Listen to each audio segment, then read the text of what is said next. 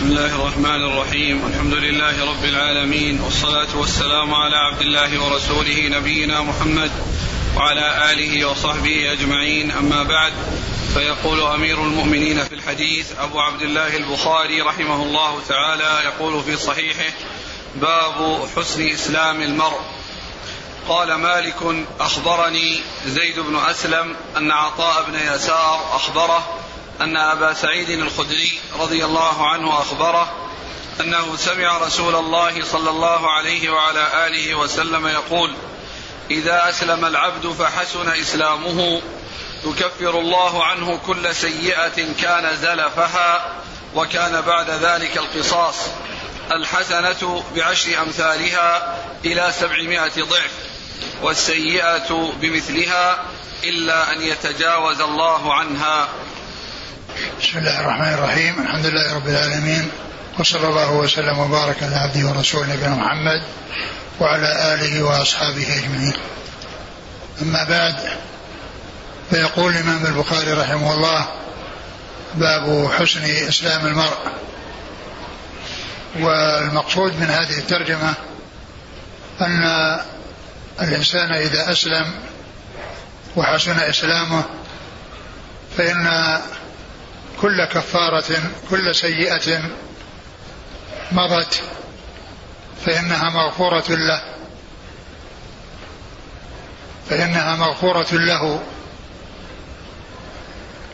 لأن الإسلام يجب ما كان قبله كما جاء في حديث عبد الله بن عمرو بن العاص في صحيح مسلم. وفيه ما علمت أن الإسلام يهدم ما كان قبله وأن الهجرة تهدم ما كان قبلها؟ وأن الحج يهدم ما كان قبله. فكل سيئة زلفها أو أزلفها يعني مضت فإن الله تعالى يتجاوز عنها. ثم بعد ذلك القصاص. الحسنة بعشر أمثالها إلى إلى إلى سبعمائة ضعف. والسيئة بمثلها. يعني أن أن الحسنات تضاعف والسيئات لا تضاعف وإنما السيئة يعني آه، يجازى عليها بمثلها. وأما الحسنات والأعمال الصالحة فإنها تضاعف أجورها أضعافا مضاعفة إلى سبعمائة إلى سبعمائة ضعف إلى ما شاء الله عز وجل.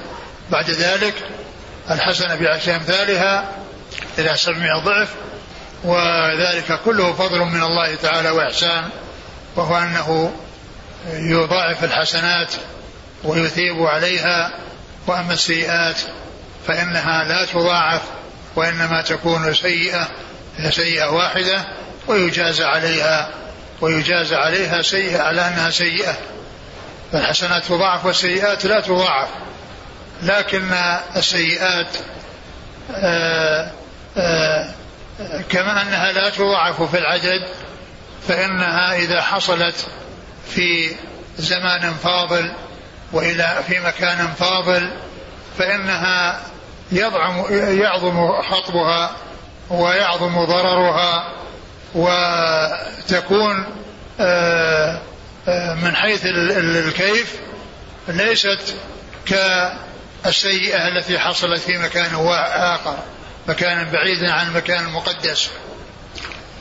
فمن يعصي الله في الحرم ومن يعصي الله في مكة والمدينة وهما حرمان حرمهما الله عز وجل ليس من يحصل منه المعصية فيهما كما تحصل منه المعصية في غيرهما.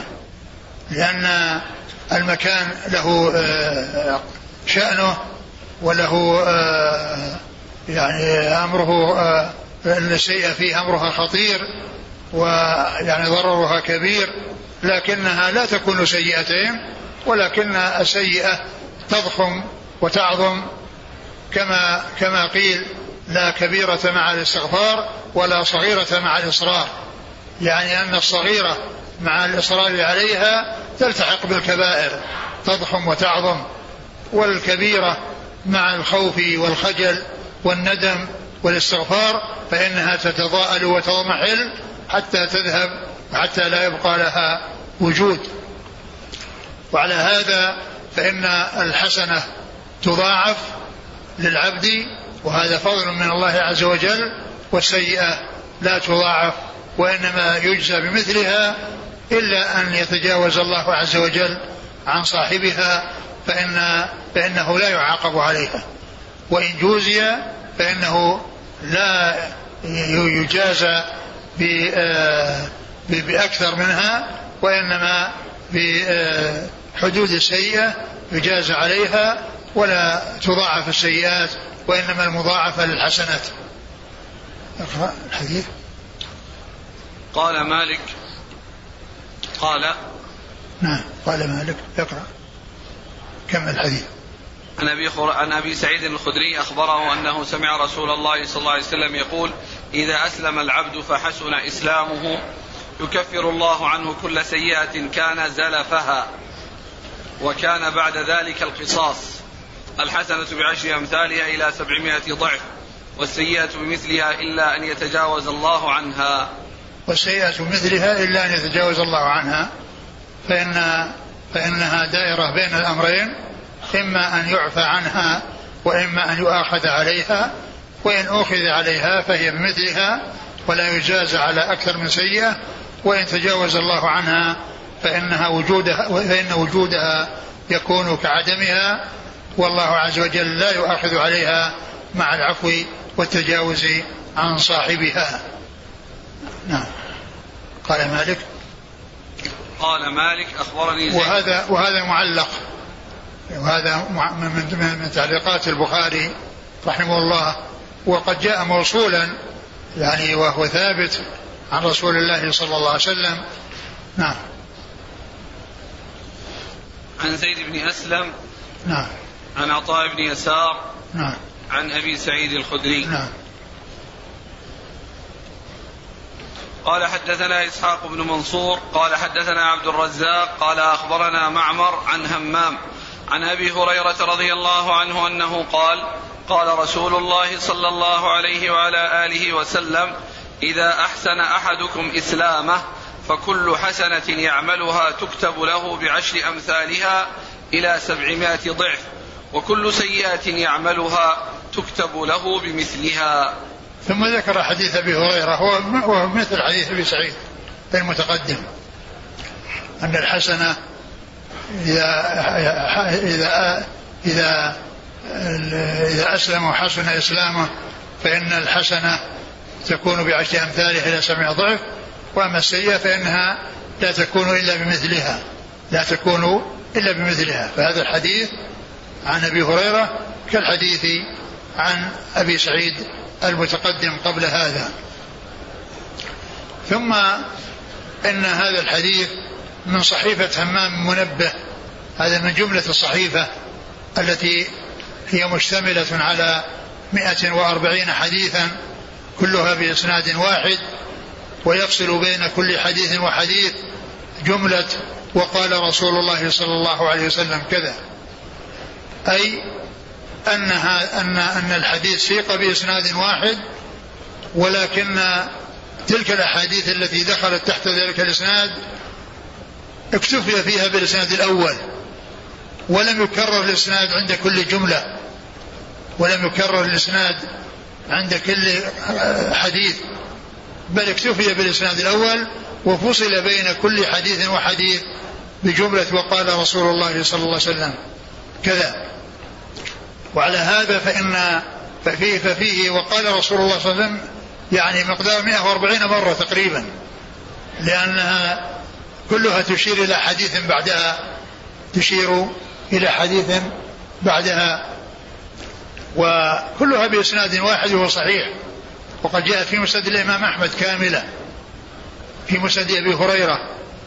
يعني بهذا هذه الصحيفة جاءت كاملة في مسند أبي هريرة من مسند الإمام أحمد. وكلها صحيحة 140 حديثا تقريبا كلها صحيحة. تقريبا هذا المقدار كلها صحيحة لأنها بإسناد واحد. والعلماء اختلفوا عندما عندما يريدون حديثا من أثناء الصحيفة. فمن العلماء ومنهم البخاري أنه يسوق الإسناد الأول الإسناد ثم يأتي بأي جملة يركبها على الإسناد. لأن أول الحديث نحن الآخرون الأولون. ثم قال صلى الله عليه وسلم كذا وقال صلى الله عليه وسلم كذا ومنها هذا الحديث الذي معنا. فالإمام البخاري طريقته أنه ينتقي من الصحيفة ويذكر الإسناد ويأتي بأي جملة بأي حديث من الصحيفة يجعله بعد الإسناد. يجعله بعد الإسناد. ومن العلماء من يعني يأتي بالحديث الأول ويضيف إليه أي حديث. وأما مسلم رحمه الله فله طريقة خاصة استعملها في صحيحه وهي أنه يسوق الإسناد إلى أبي هريرة فيقول فذكر أحاديث منها وقال رسول الله صلى الله عليه وسلم كذا منها وقال رسول الله صلى الله عليه وسلم كذا. فقوله فذكر أحاديث إشارة إلى أنه طوى أحاديث. يعني قبل هذا الحديث. ثم قال منها وقال رسول الله. يعني ذكر أحاديث يعني لم يذكرها مسلم ولكن أشار بقوله فذكر أحاديث ثم يأتي بجملة منها وقال رسول الله صلى الله عليه وسلم فيأتي بالحديث. فعلم بهذا بأن هذا الحديث الذي جاء ليس هو الذي يلي الإسناد وإنما يلي الإسناد غيره. وجاء حديث قبله جاء حديث قبل هذا إلا في الإسناد الأول يعني إلا في الإسناد الأول فإنه مركب عليه ولا ولا يحتاج إلى أن يقال فذكر أحاديث ولا يحتاج إلى أن يقال فذكر أحاديث وإنما يحتاج إليه فيما إذا كان بعد الحديث الأول أحاديث فإنه يحتاج إلى أن يقول فذكر أحاديث منها وقال رسول الله صلى الله عليه وسلم كذا. فهذا الحديث من جملة الصحيفة وهذا أول حديث من الصحيفة في صحيح البخاري. هذا أول حديث من صحيفة همام أورده البخاري في صحيحه وذكر أحاديث عديدة. والإمام البخاري ومسلم كل منهما انتقى أحاديث من هذه الصحيفة. اتفقا على بعضها وانفرد البخاري ببعضها وانفرد مسلم ببعضها. ولكنها كلها صحيحة. وهذا يبين لنا أن البخاري ومسلم ما التزم أن يورد كل حديث صحيح. لأنهما لو كان التزم إرادة كل حديث صحيح أتوا بحديث صحيحة كلها من أولها إلى آخرها لأن إسنادها واحد كلها صحيحة. لكن كونهم أخذوا منها ما أخذوا وتركوا ما تركوا فالذي تركوه ولم يذكروه هو من جملة الأحاديث الصحيحة التي لا توجد في صحيح البخاري ولا في صحيح مسلم. التي لا توجد في صحيح البخاري ولا في صحيح مسلم. يعني هذه التي لم لم يأخذاها ولم ينتقياها. لأنهم انتقوا أشياء وتركوا أشياء. فالتي لم تنتقى صحيحة. ومع ذلك خلا منها صحيحة. فلو كانا ملتزمين بإخراج كل حديث أدخل أحاديث الصحيفة كلها. أدخل أحاديث الصحيفة كلها. لكنهما لم يلتزما لم يعني يعني لم يورد كل حديث صحيح بل ولا قصد إيراده ولا, ولا لم يلتزم إراده لم يورد كل حديث صحيح ولم يلتزم إيراد حديث إيراد كل حديث صحيح حتى يستدرك عليهما. حتى يستدرك عليهما. ولهذا وعلى هذا فلا حاجة للاستدراك عليهما. لأنه ما التزم. لأنه ما التزم الحديث إرادة كل حديث صحيح عن رسول الله صلى الله عليه وسلم. نعم. وهي كلها مروية عن عبد الرزاق عن معمر عن همام عن أبي هريرة. هذا بإسناد. ولكنهم يختلفون فيما دون عبد الرزاق. فالإمام مسلم كلها من طريق محمد بن رافع. كل أحاديث صحيحة من طريق الشيخ محمد بن رافع. وهنا عن من؟ إسحاق بن منصور. عن إسحاق بن منصور. هنا يرويه عن إسحاق بن منصور. إسحاق بن منصور الكوسج وقد أخرجه أصحاب الكتب إلا النسائي. قال حدثنا عبد الرزاق. عبد الرزاق بن همام الصنعاني اليماني ومعمر بن راشد الأزدي البصري ثم اليماني. وهمام منبه أخو وهب بن منبه وهو أخرج أصحاب الكتب إلا أصحاب الكتب؟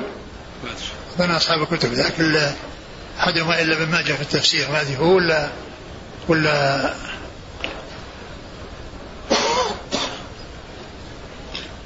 موجود التقريب ما موجود؟ عن أبي هريرة. نعم التقريب موجود؟ نعم. نعم. عن أبي هريرة عبد الرحمن بن صخر الدوسي رضي الله عنه وهو أكثر الصحابة حديثا. قوله إذا أحسن أحدكم اسلامه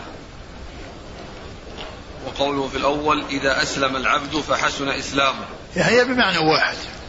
يعني حسن إسلامه وأحسن إسلامه لأن حسن إسلامه نتيجة إحسانه إسلامه لكن السؤال أحسن الله إليك. يعني معنى حسن إسلامه يعني ما يأتي بمعاصي ما يقصر في واجب هذا قد يكون مثل شبه المستحيل. كل بني آدم خطاء. حسن إسلامه يعني لا يقع في في معصية لا يقصر في واجب.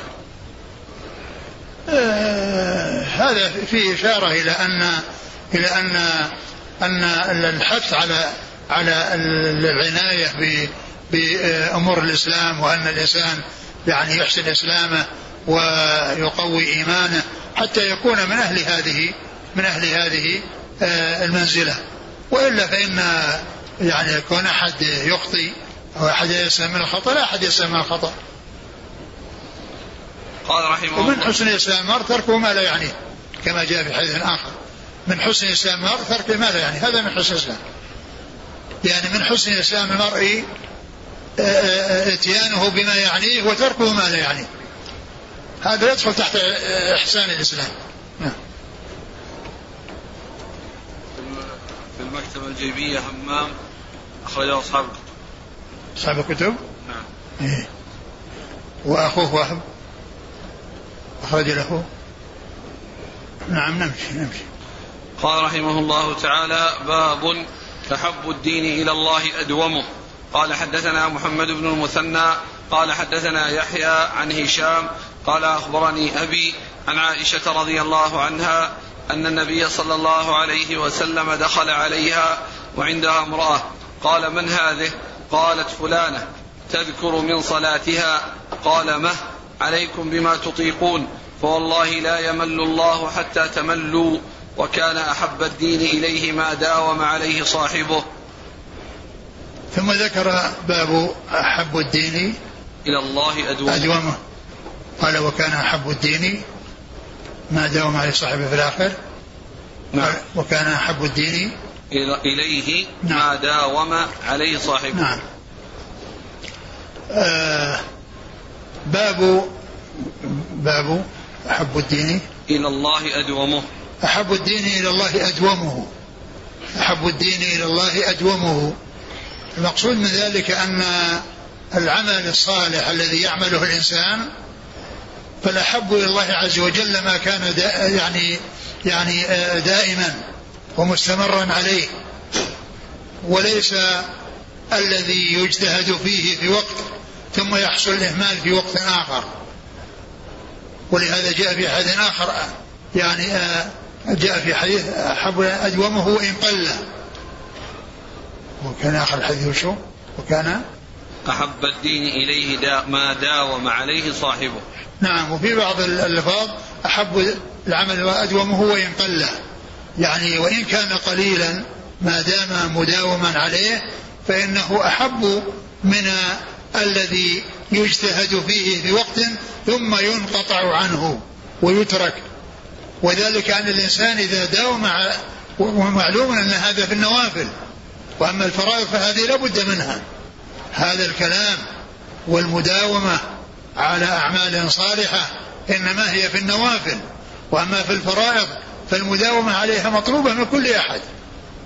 يعني ولا يترك منها شيء وإنما النوافل هي التي يمكن الإنسان يعني يكثر منها ويقل ولكنه يأتي بالشيء الذي لا يشق عليه والذي يتمكن من الاستمرار عليه.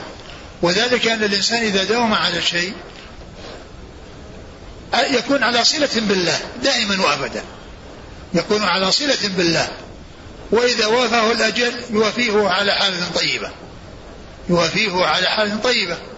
بخلاف الذي ينشط في بعض الأوقات ويهمل في بعض الأوقات. فقد يوافيه الأجل في وقت الإهمال. يعني يوافيه الأجل في وقت الإهمال لكن من داوم على شيء واستمر عليه كان على صلة قوية بالله وأيضا كان كان على صلة قوية بالله عز وجل وأيضا عندما يوافيه الأجل يوافيه على حالة طيبة. يوافيه على حالة طيبة وكما هو معلوم هذا بالنوافل. وأما الفرائض فإنه يتعين الاتيان بها كلها. وقد جاء في القدسي وما تقرب إلي عبدي بشيء أحب إلي مما افترضته عليه. الفرائض لا بد منها.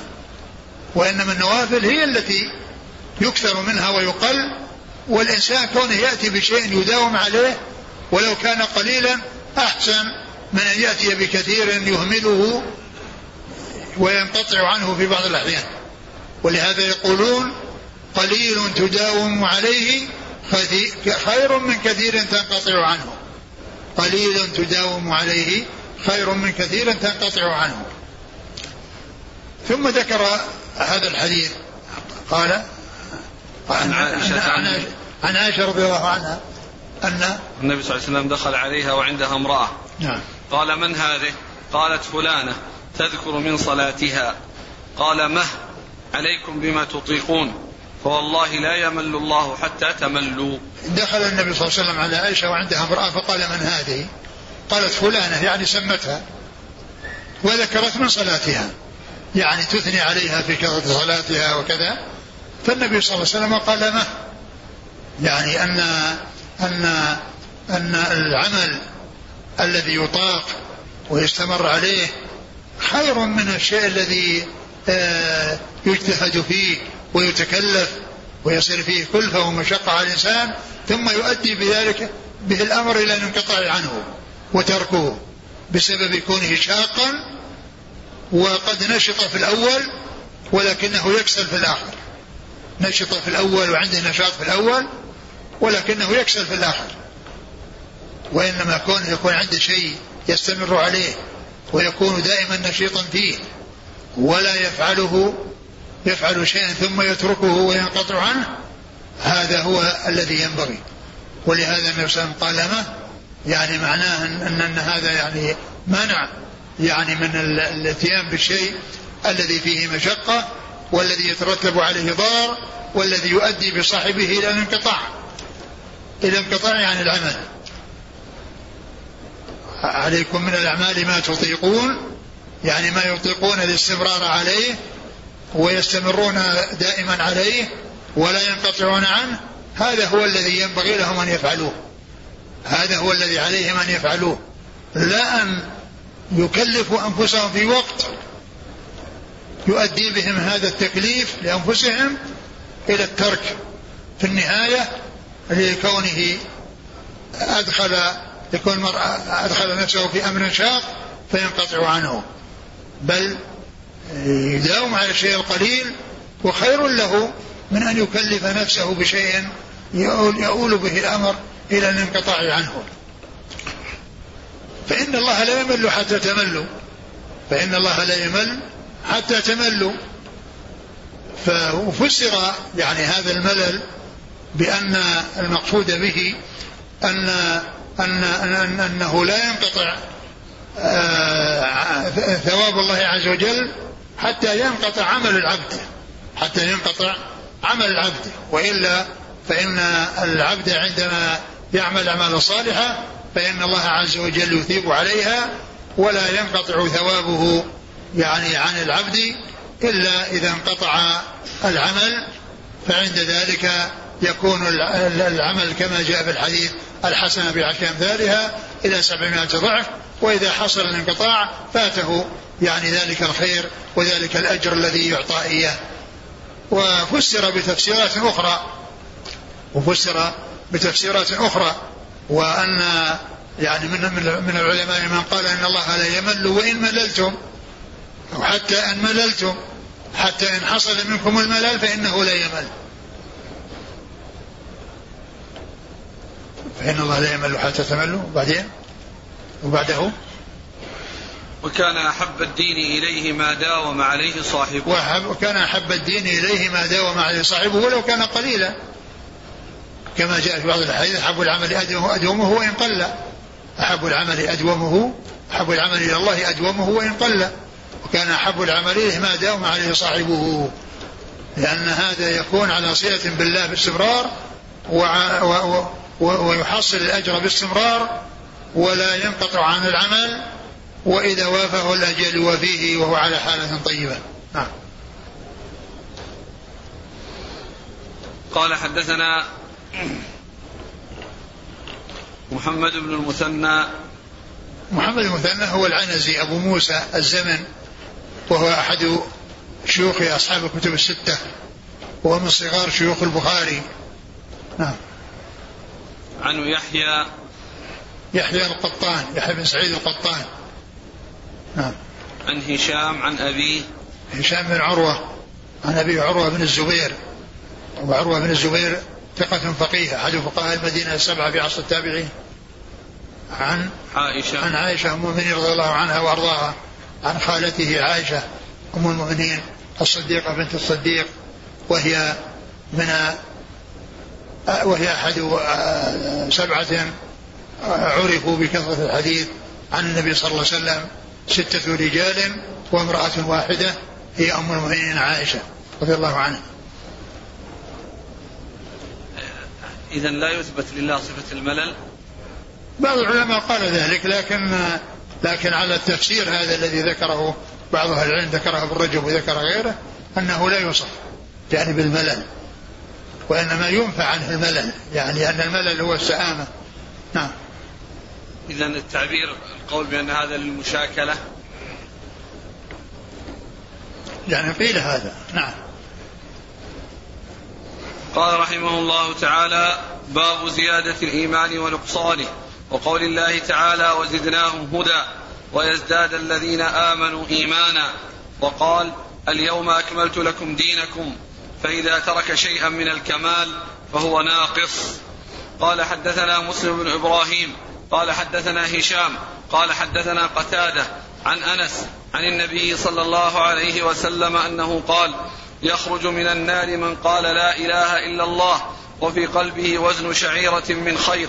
ويخرج من النار من قال لا إله إلا الله وفي قلبه وزن برة من خير. ويخرج من النار من قال لا إله إلا الله وفي قلبه وزن ذرة من خير. قال أبو عبد الله قال أبان حدثنا قتادة قال حدثنا أنس عن النبي صلى الله عليه وسلم من إيمان مكان من خير. ثم ذكر باب زيادة الانسان الإيمان ونقصانه. وقد سبق أن مر في أول كتاب الإيمان أن الإيمان قول وعمل وأنه يزيد وينقص. وذكر جملة من الآيات ومن الآثار التي تدل على أن الإيمان من جملة العمل وعلى أيضا زيادة الإيمان ونقصانه. ومنها أثر عمر بن عبد العزيز. الذي قال فيه لما ذكر يعني الأعمال يعني صالحة قال من أتى بها فقد استكمل الإيمان ومن لم يأت بها لم يستكمل الإيمان. وهذا فيه الدلالة على الزيادة والنقصان لأن من أتى بها يعني كمل إيمانه ومن لم يأتي بها فإنه نقص, نقص إيمانه. ولم يحصل له الكمال الذي حصل لمن أتى بها. ثم أتى بهذه الترجمة مع أنه سبق أن أشار إلى زيادة الإيمان نقصانه لأن هناك جاء تبعا. لأنه قال الإيمان قول وعمل يزيد وينقص. يعني يزيد وينقص. وهنا أتى بترجمة مستقلة. باب زيادة الإيمان ونقصانه. لأنه هناك يعني جاء زيادة الإيمان والنقصان تبعا. بكون قول وعمل يزيد وينقص. ولكنه هنا أتى به بالتبويب الخاص لإثبات زيادة الإيمان ونقصانه وقد جاءت الأدلة الكثيرة في زيادة الإيمان جاءت الأدلة الكثيرة في زيادة الإيمان ومن شأن الذي يزيد أنه ينقص ومن شأن ما, ما كان يزيد فإن من شأنه أن ينقص ولهذا ذكر ذلك يعني فيما مضى أن يعني يعني ما, ما كان يعني آه، فيه الزيادة فإنه يقبل النقص. ما كان يعني يزيد فإنه يكون قابلا للنقص لأن النقص مقابل الزيادة مقابل الزيادة. والناس يتفاوتون في الإيمان يتفاوتون في الإيمان. فمنهم من يكون مستكمل الإيمان ومنهم من يكون دون ذلك. ومن الناس من يكون مسلما ومنهم من يكون مؤمنا. ولهذا جاء في في في, في القرآن قالت الأعراب آمنا قل لم تؤمنوا ولكن قولوا أسلمنا. ولما يدخل الإيمان في قلوبكم ولما يدخل الإيمان في قلوبكم هم متفاوتون أحد عنده الأصل و و و ومن الناس من يكون عنده زيادة على الأصل. ومن الناس من يكون عنده زيادة على الأصل الذي هو الإسلام وكل ذلك فيه فيه زيادة الإيمان. وكل ذلك فيه زيادة الإيمان. كل ما كان زيادة على الأصل فإنه فيه زيادة الإيمان. ولهذا الله عز وجل أنكر على الأعراب الذين قالوا آمنا بأن يقولوا أسلمنا لأن هذا هو المناسب واللائق بهم لأنهم استسلموا وانقادوا ولكن ما تمكن الإيمان في قلوبهم. ما عندهم الإيمان الذي تمكن في قلوبهم كما تمكن من قلوب من يوصفون بأنهم مؤمنون. من يوصفون بأنهم مؤمنون. ثم ذكر هذا الحديث كما ذكر فيما مضى يعني حديثا فيه في معناه أنه يخرج من النار من كان في قلبه حبة خردل من إيمان. هنا قال يخرج من النار من كان في قلبه شعيرة شعيرة من شعيرة. ويخرج من النار من كان في قلبه برة ومنهم من يخرج من الإيمان. وفي من في يعني ذرة. مقدار ذرة من خير. لأنه قال من خير. ثم أتى بطريقة ثانية المعلقة التي فيها من إيمان بدلا من خير. وهي التي فيها مطابقة الترجمة. وفيها مطابقة الترجمة لأن فيها التنصيص على الإيمان. وفيها أيضا تصريح قتادة بالسماع. تصريح قتادة بالسماع لأنه مدلس والرواية الثانية فيها التصريح فيها التصريح ففيها فائدتان فائدة تتعلق بالإسناد وهي التصريح بالسماع من قتادة عن أنس وفائدة تتعلق بالمتن وهي ذكر الإيمان بدل الخير الذي هو مطابق للترجمة بما يتعلق بزيادة الإيمان ونقصانه. وقوله يعني مثقال حبة من يعني من, من, من إيمان يعني هذا يدل على على على نقصان الإيمان. وعلى أن أن من الناس من يكون كذلك ومن ومنهم من يكون عنده الكمال في الإيمان. فالذي عنده هذا المقدار يعني يصير ناقص الإيمان والذي يكون عنده الأعمال الكثيرة والأعمال الصالحة التي يزيد بها الإيمان يكون عنده كمال الإيمان وعنده زيادة الإيمان. أعد الحديث. فيه أول يا شيخ. قال باب زيادة الإيمان ونقصانه وقول الله تعالى وزدناهم هدى. ويزداد الذين آمنوا إيمانا وقال اليوم أكملت لكم دينكم. فإذا ترك شيئا من الكمال فهو ناقص. نعم.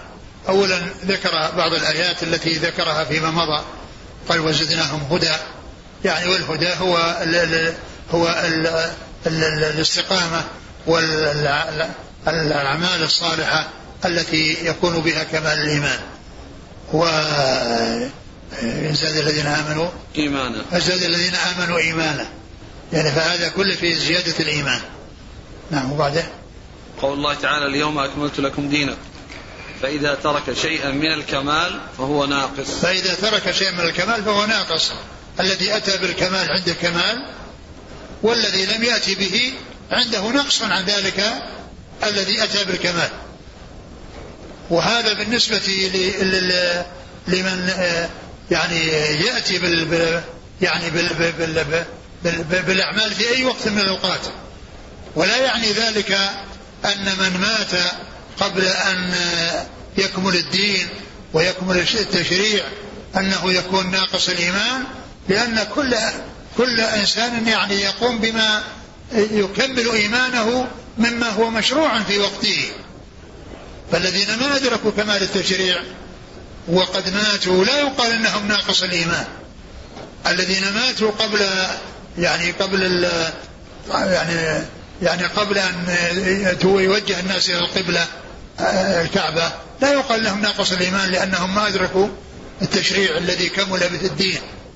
فإن المقصود من ذلك في كل وقت الناس يتفاوتون. منهم من يكون كامل الإيمان ومنهم من يكون ناقص الإيمان وبعدما كملت الشريعة ونزل قول الله عز وجل اليوم أكملت لكم دينكم واستقرت الشريعة وكملت الناس يتفاوت يتفاوتون فيه من أتى بما هو مشروع من أمور الدين؟ فإنه يحصل له الكمال ومن لم يأتي به فإنه يكون عنده النقص.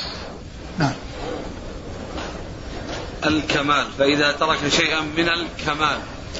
شيء من الكمال الذي كمل به الدين يعني. أي الكمالين؟ نعم. كما هو معلوم آه، الإيمان يزيد بالطاعة وينقص بالمعصية. ومن المعلوم أن أن أن أن الطاعة التي يحصل بها الزيادة إنما هي في الأمور المستحبة. وأما الأمور الواجبة فهذا قدر مشترك لا بد لكل أحد أن يأتي به. ولكن الاتيان بالحسنات والاجتهاد بالطاعات يزيد بالطاعة وينقص بالمعصية.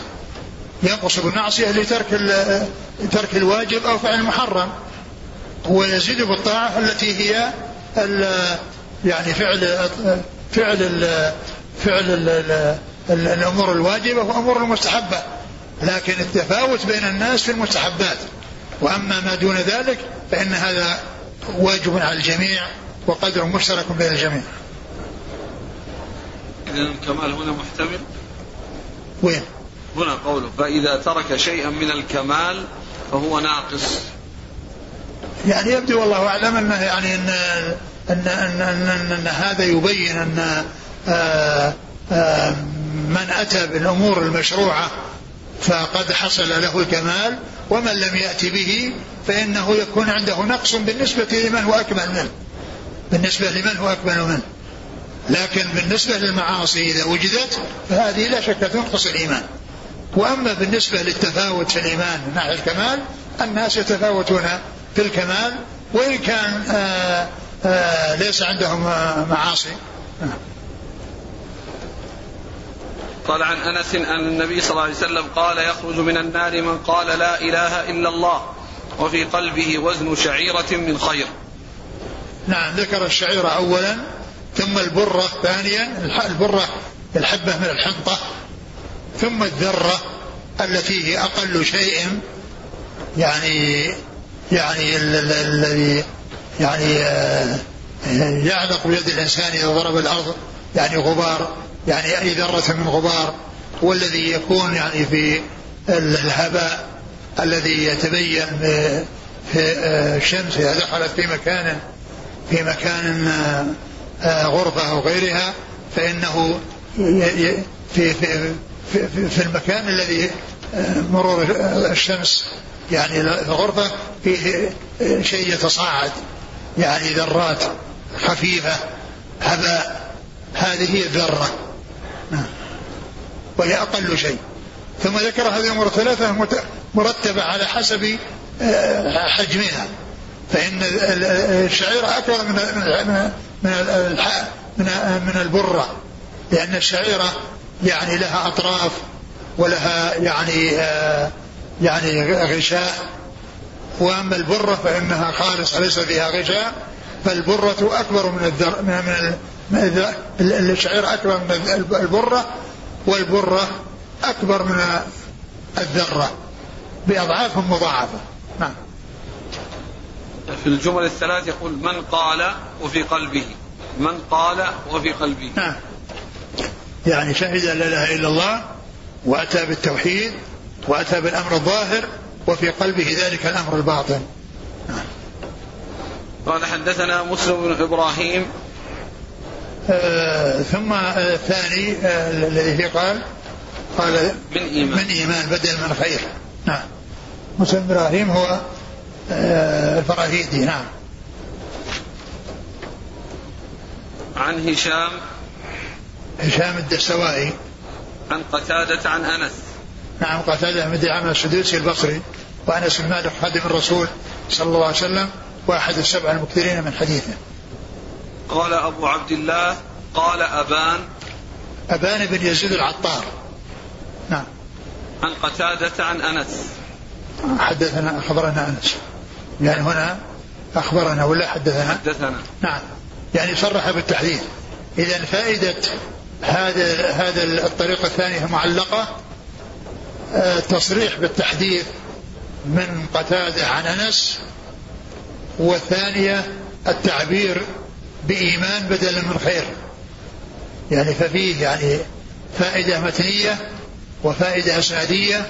الإسنادية التصريح بالسماع فزال التدليس من قتادة والثانية التعبير بإيمان بدلا من خير التي هي مطابقة لزيادة الإيمان ونقصانه. نعم. قال ولطيفته موصولا ومعلقا. رجاله بصريون نعم.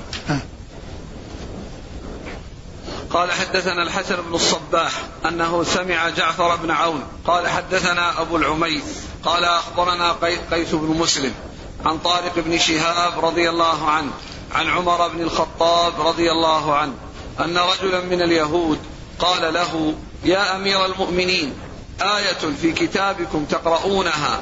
لو علينا معشر اليهود نزلت لاتخذنا ذلك اليوم عيدا. قال أي آية؟ قال اليوم أكملت لكم دينكم وأتممت عليكم نعمتي ورضيت لكم الإسلام دينا قال عمر قد عرفنا ذلك اليوم والمكان الذي نزلت فيه على النبي صلى الله عليه وعلى آله وسلم وهو قائم بعرفة يوم جمعة. ثم ذكر هذا الحديث عن عمر رضي الله عنه وهو أن يهوديا قال لعمر يا أمير المؤمنين لو إن في أنكم تقرؤون آية وأن في كتابكم آية. لو علينا معشر اليهود نزلت لاتخذنا ذلك اليوم عيدا. فقال أي آية؟ فقال اليوم أكملت لكم دينكم وأتممت عليكم نعمتي ورضيت لكم الإسلام دينا قال إن نعلم يعني أي يوم نزلت والمكان الذي نزلت فيه إني أعلم. إن نعلم. عرفنا ذلك اليوم والمكان الذي نزلت فيه. عرفنا ذلك اليوم الذي هو يوم عرفة. وذلك المكان الذي هو أرض عرفة. الذي نزلت فيه. أيوه. على النبي صلى الله عليه وسلم وهو قائم بعرفة يوم جمعة. وهو قائم عرفة يوم جمعة. يعني هو يوم عيد. لأن لأن يوم الجمعة هو عيد الأسبوع. وللناس يعني المسلمين لهم عيدان في السنة وعيد في الأسبوع. عيدان في السنة هما عيد الفطر وعيد الأضحى وعيد في الأسبوع وهو يوم الجمعة. ثم فهي في يوم عيد الذي هو يوم الجمعة. وأيضا هي متصلة بالعيد لأن عشية عرفة عشية عرفة قريبة من ليلة العيد الذي هو يعني عيد عيد الأضحى. يعني فهي متصلة به وقريبة منه. فهي في في, في, في نفس اليوم في الأسبوع وذلك في الوقوف بعرفة الذي يجتمع فيه الناس من جميع الآفاق ويجتمعون في صعيد واحد وفي مكان واحد فيكون يعني ذلك الوقوف في آخر النهار قريبا من من العيد الذي هو عيد الأضحى. ولكنه من حيث اليوم هو عيد لأنه جاء في أحاديث صحيحة وجاء في آثار صحيحة إطلاق يوم الجمعة على أنه عيد. ومنه ما جاء في صحيح البخاري عن عن عثمان رضي الله عنه لما وافق يوم جمعة يوم عيد وخطب الناس وقال اجتمع لكم في يومكم هذا عيدان. اجتمع لكم في يومكم هذا عيدان يعني عيد الأسبوع وعيد السنة. نعم. أن رجلا من اليهود. رجلا من اليهود قيل إنه كعب الأحبار. قال له يا أمير المؤمنين. وهو لا زال على اليهودية. نعم هو يعني آآ آه، آآ آه، هو يعني كلامه يعني يفيد بأنه يعني على يهوديته. يعني لو كانت في فينا معشر اليهود نزلت لفعلنا كذا. نعم. آية في كتابكم تقرؤونها. لو علينا معشر وهذا يفيد قال في كتابكم. يعني كونه يعني لم قبل أن يسلم. وبعد ذلك أسلم وحسن إسلامه وقال عنه تقريب ثقة. نعم. لو علينا معشر اليهود نزلت لاتخذنا ذلك اليوم عيدا. نعم. يتخذونه من عندهم. دون نعم نعم. هم يعني ليس يعني هم يخت... يعني آه آه لأنهم يحدثون ويبدلون ويأتون بالأشياء من عندهم. وأما المسلمون فالأعياد عندهم إنما تكون بالوحي وتكون بالنص عن رسول الله صلى الله عليه وسلم. ولهذا ليس للمسلمين إلا عيدان عيد الأضحى وعيد الفطر في السنة ولهم عيد في الأسبوع الذي هو يوم الجمعة. قال أي آية؟ قال اليوم أكملت لكم دينكم وأتممت عليكم نعمتي ورضيت لكم الإسلام دينا. نعم. قال عمر قد عرفنا ذلك اليوم والمكان الذي نزلت فيه على النبي صلى الله عليه وسلم وهو قائم بعرفة. نعم. قائم. قائم يعني آه، آه، كلمة قائم يعني يحتمل أن يكون أنه يعني واقف ويحتمل أنه يعني آه، واقف بمعنى أنه واقف مثل ما يقال أنه واقف بعرفة ومعنى أنه لازم يكون قائم. لأنه يمكن يقف وهو جالس ويمكن أن يكون يعني راكب والرسول صلى الله عليه وسلم وقف راكبا عليه الصلاة والسلام. وقف على دابته راكبا. فلا يلزم أن يكون مثل القيام أنه مقصورا على القيام وأن الجلوس لا يعتبر وقوف وأن الركوب لا يعتبر وقوف. بل الرسول صلى الله عليه وسلم ركب وقف, وقف راكبا عليه الصلاة والسلام. وقف بعرفة راكبا. يوم الجمعة نعم. قال حدثنا الحسن بن الصباح نعم. عن جعفر بن عون نعم. عن أبي العميس نعم. عن قيس بن مسلم نعم. أبو العميس كنية نعم اسمه؟ عتبة بن عبد الله المسعودي نعم. عن قيس بن مسلم نعم. عن طارق بن شهاب عن عمر بن الخطاب رضي الله عنه. نعم. قال رحمه الله تعالى باب الزكاة من الإسلام. وقوله وما أمروا إلا ليعبدوا الله مخلصين له الدين حنفاء ويقيموا الصلاة ويؤتوا الزكاة وذلك دين القيمة. باب الزكاة. من الإسلام. نعم. وقوله وما أمروا إلا ليعبدوا الله مخلصين له الدين حنفاء ويقيموا الصلاة ويؤتوا الزكاة وذلك دين القيمة. قال حدثنا إسماعيل قال حدثني مالك بن أنس عن عمه أبي سهيل بن مالك عن أبيه أنه سمع طلحة بن عبيد الله رضي الله عنه يقول جاء رجل إلى رسول الله صلى الله عليه وسلم من أهل نجد سائر الرأس يسمع دوي صوته ولا يفقه ما يقول حتى دنا فإذا هو يسأل عن الإسلام. فقال رسول الله صلى الله عليه وسلم خمس صلوات في اليوم والليلة.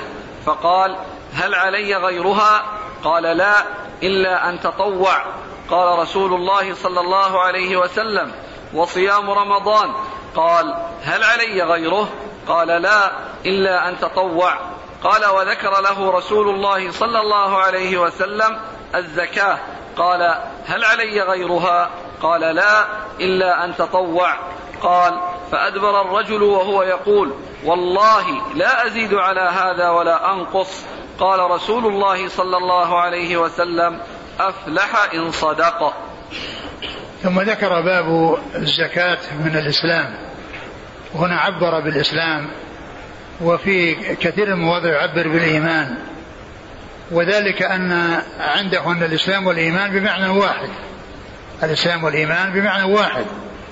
ومن المعلوم أن أنهما إذا افترقا فإنهما بمعنى واحد لأن هذا يشمل الأمور الظاهرة والباطنة وهذا يشمل الأمور الظاهرة والباطنة. ولكن الفرق بينهما إذا اجتمعا فإنه يفسر الإيمان بالأمور الباطنة كما في حديث جبريل أن تؤمن بالله وملائكته وكتبه ورسله واليوم الآخر والقدر خيره وشره. وهذه كلها أمور باطنة تتعلق بالقلب. فسأله عن الإسلام فقال أن تشهد أن لا إله إلا الله وأن محمد رسول الله وتقيم الصلاة وتؤتي الزكاة وتصوم رمضان وتحج البيت. إن استطعت إليه سبيلا. وهذه أمور ظاهرة. ف فعند اجتماعهما يفسر الإيمان بما يناسب معناه اللغوي وهو ما يقوم بالقلب. فتكون الإيمان بالله وملائكته وكتبه ورسله تتعلق بالقلب. ويفسر الإسلام بما يناسب معناه اللغوي وهو الاستسلام والانقياد في الظاهر ويعني وهو الشهادتان والصلاة والزكاة والصيام والحج. هذه أمور ظاهرة. والغالب يعني أن أن أن الإسلام يعني يذكر على حدة والإيمان يذكر على حدة. فإذا كلما يذكر الإيمان وحده يدخل فيه الأمران أو الشيء الأمور الظاهرة والباطنة. وإذا ذكر الإيمان دخل فيه الأمور الظاهرة والباطنة وإذا ذكر الإسلام دخل فيه الأمور الظاهرة والباطنة. وهذا هو الغالب في الاستعمال. الغالب في الاستعمال أنه يأتي الإيمان وحده ويأتي الإسلام وحده فيشمل الأمرين. وقليلا ما يأتي آه، ذكر الإسلام مع الإيمان كما في حديث جبريل وكما في أن المسلمين والمسلمات والمؤمنين والمؤمنات فإنه فاوت يعني فاوت بينهما وعطف أحدهما على الآخر فإذا هذا له معنى ويكون هذا له هذا له آه، له معنى. ف فعبر بالإسلام. والتعبير سواء عبر بالإسلام أو عبر بالإيمان. المعنى واحد والنتيجة واحدة. والإسلام إذا ذكر فيعني على سبيل الإطلاق يراد به الإسلام الذي هو الدين إن الدين عند الله الإسلام. كما ذكر البخاري. أما إذا كان على الحقيقة كان كما قال الله عز وجل إن الدين عند الله الإسلام. إن الدين عند الله الإسلام.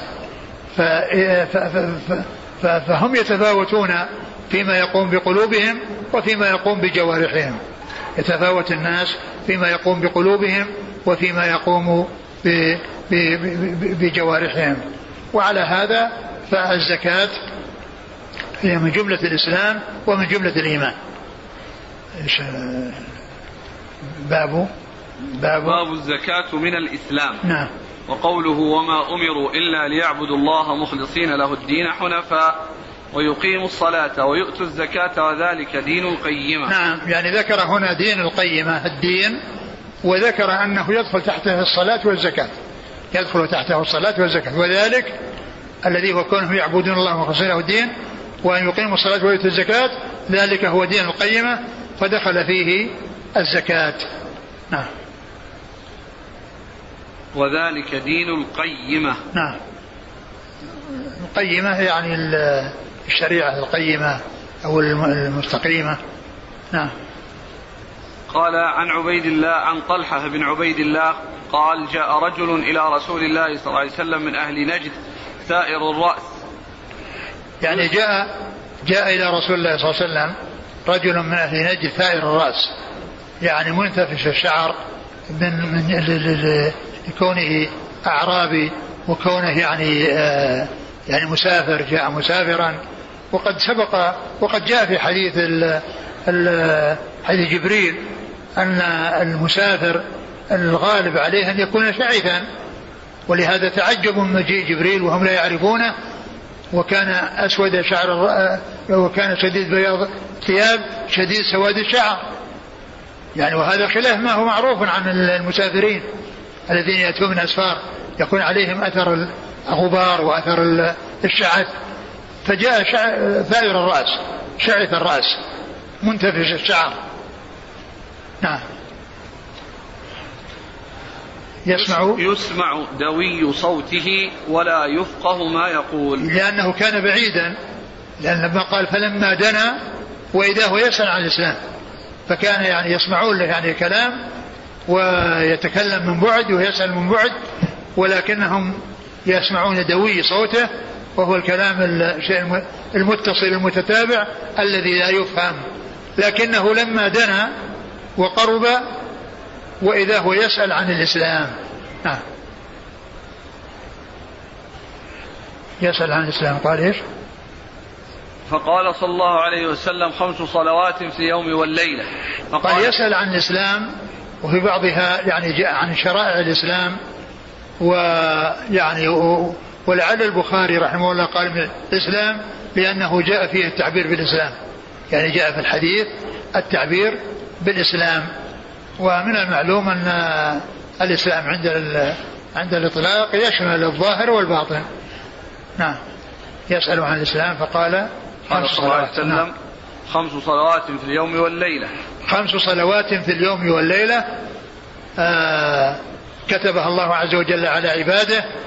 وهي الأعمال المستمرة في اليوم والليلة والتي يتميز بها من يكون مطيعا لله ومن يكون عاصي لله في فترة وجيزة خلال يوم وليلة.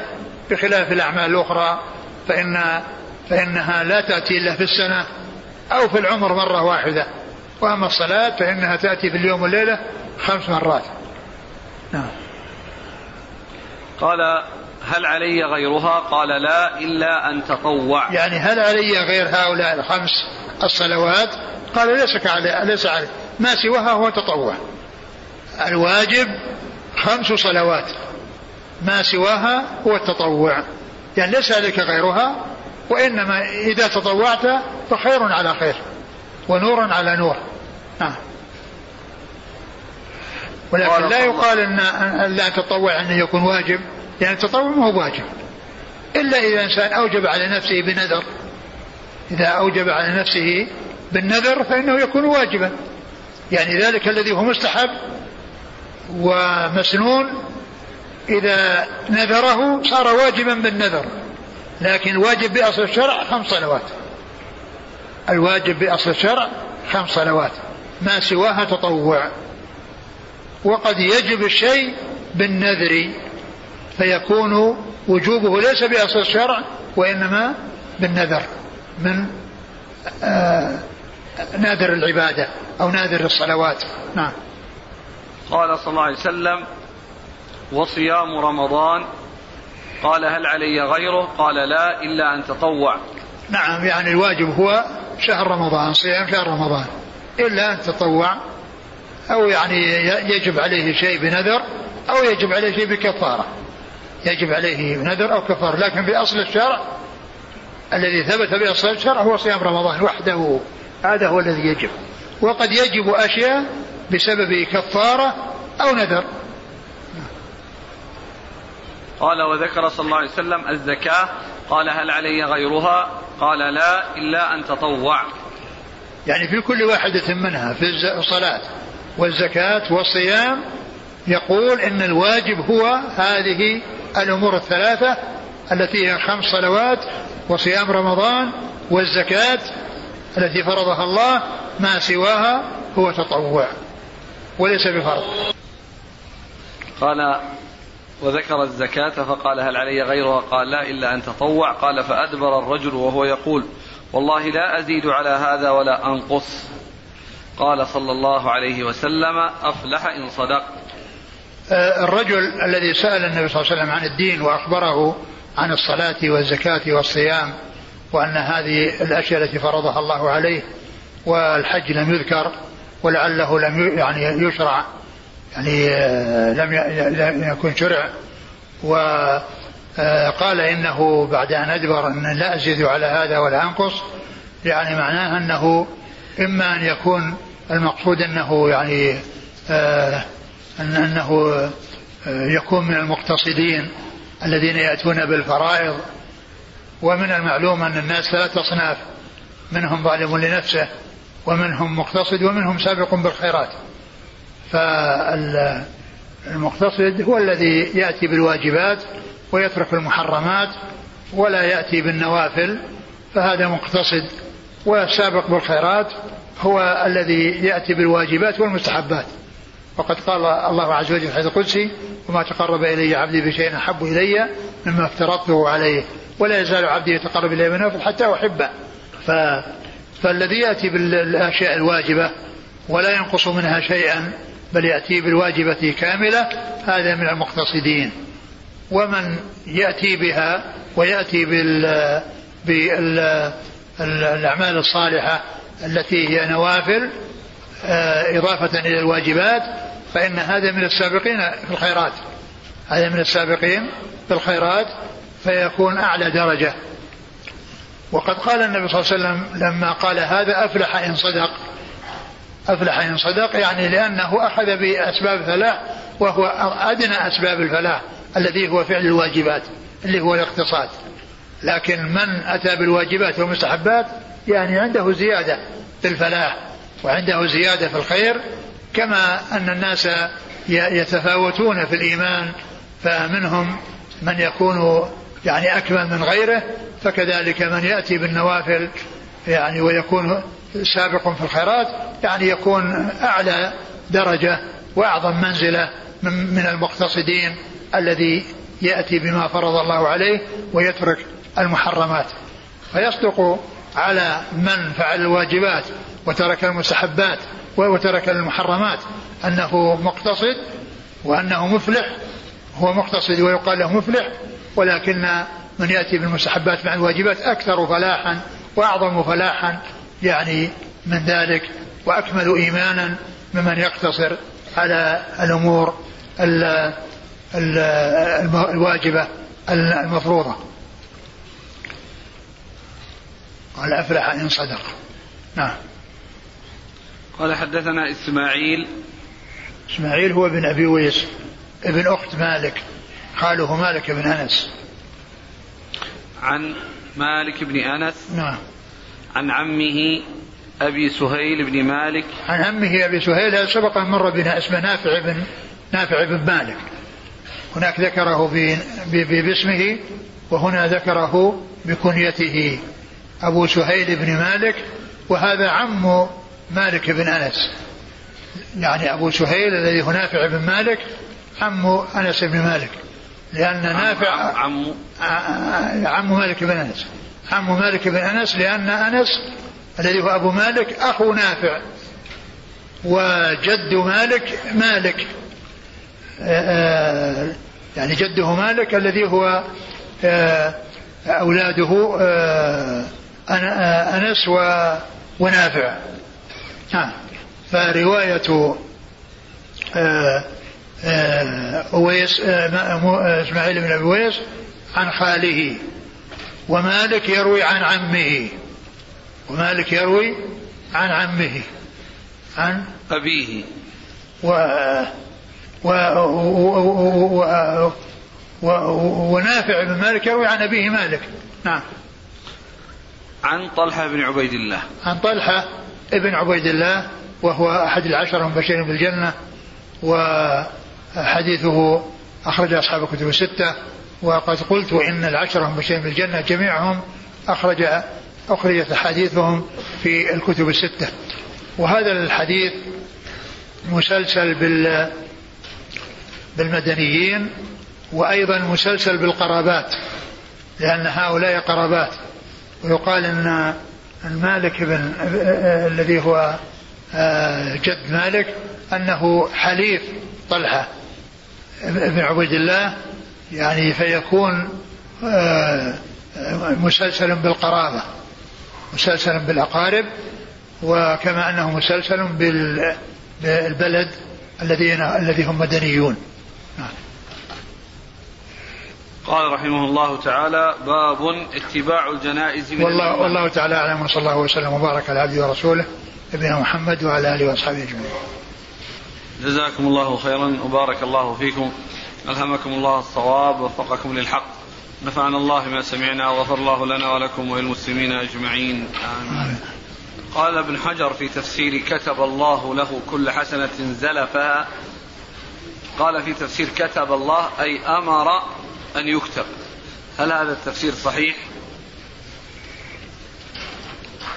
معلوم أن الكتابة هي من الملائكة. الملائكة هم اللي يكتبون وكتابتهم بأمر الله سبحانه وتعالى. يقول هل يوم الجمعة عيد الأسبوع بمناسبة نزول هذه الآية؟ اليوم أكملت لكم دينكم وأتممت عليكم نعمتي. لأن عمر أقر اليهود على هذا الكلام. نعم لكن لكن إنها ما صارت إلا بهذا اليوم ولا عرف يوم الجمعة أن عيد الأسبوع إلا بهذا اليوم. ما ما في شيء يدل على هذا. يعني يوم الجمعة هو عيد الأسبوع يعني آه، من غير أن يكون مقيدا بنزول هذه الآية لكن هذه الآية نزلت في في يوم عيد. لكن ما يقال إن أنه ما صار عيدا إلا بنزول هذه الآية وقبل ذلك لم يكن عيدا. وجاء فيها حديث ذكر العيد وأنه يوم عيد. أقول جاء التنصيص على أنه يوم عيد في بعض الأحاديث عن رسول الله صلى الله عليه وسلم. نقل الحافظ بن حجر قال ابن حبان في صحيحه في لفظ الملل هذا من ألفاظ التعارف التي لا يتهيأ للمخاطب أن يعرف القصد مما يخاطب به إلا بها. هذا إيش؟ هذا من ألفاظ التعارف. تعارف؟ اي نعم. التي لا يتهيأ للمخاطب أن يعرف القصد مما يخاطب به إلا بها. طيب بعده. كذا انتهى؟ حديث الملل انتهى الكلام؟ إيش باقي الكلام؟ هذا من ألفاظ التعارف التي لا يتهيأ للمخاطب أن يعرف القصد مما يخاطب به إلا بها وهذا قال حافظ وهذا رأيه في جميع المتشابه. إيش العبارة؟ على هذا؟ وقال ابن حبان في صحيحه هذا من ألفاظ التعارف التي لا يتهيأ للمخاطب أن يعرف القصد مما يخاطب به إلا بها. كأنه يعني مقصوده أنها في المشاكلة أو الإشارة للمشاكلة قال الحافظ ابن حجر عند قوله من قال لا إله إلا الله قال فيه دليل على اشتراط النطق بالتوحيد أو المراد بالقول هنا القول النفسي هل هذه العبارة صحيحة؟ القلب يعني يكون له قول نعم له قول لكن ال ال الكلام هو الكلام الذي يسمع من من المتكلم ويظهر على على لسانه ولا بد من في الإسلام من النطق ولا بد والناس لهم الظاهر والباطن علمه عند الله عز وجل. لكن فيه قول قول القلب يعني كما يقول العلماء قول القلب واللسان وعمل القلب واللسان والجوارح. وأما الكلام النفسي فهذا ليس هو الكلام الشرعي. الكلام الشرعي هو الكلام الذي يسمع من المتكلم. ولا يطلق على ما في النفس كلاما إلا إذا قيد كما جاء في قول الله عز وجل ويقولون في أنفسهم لولا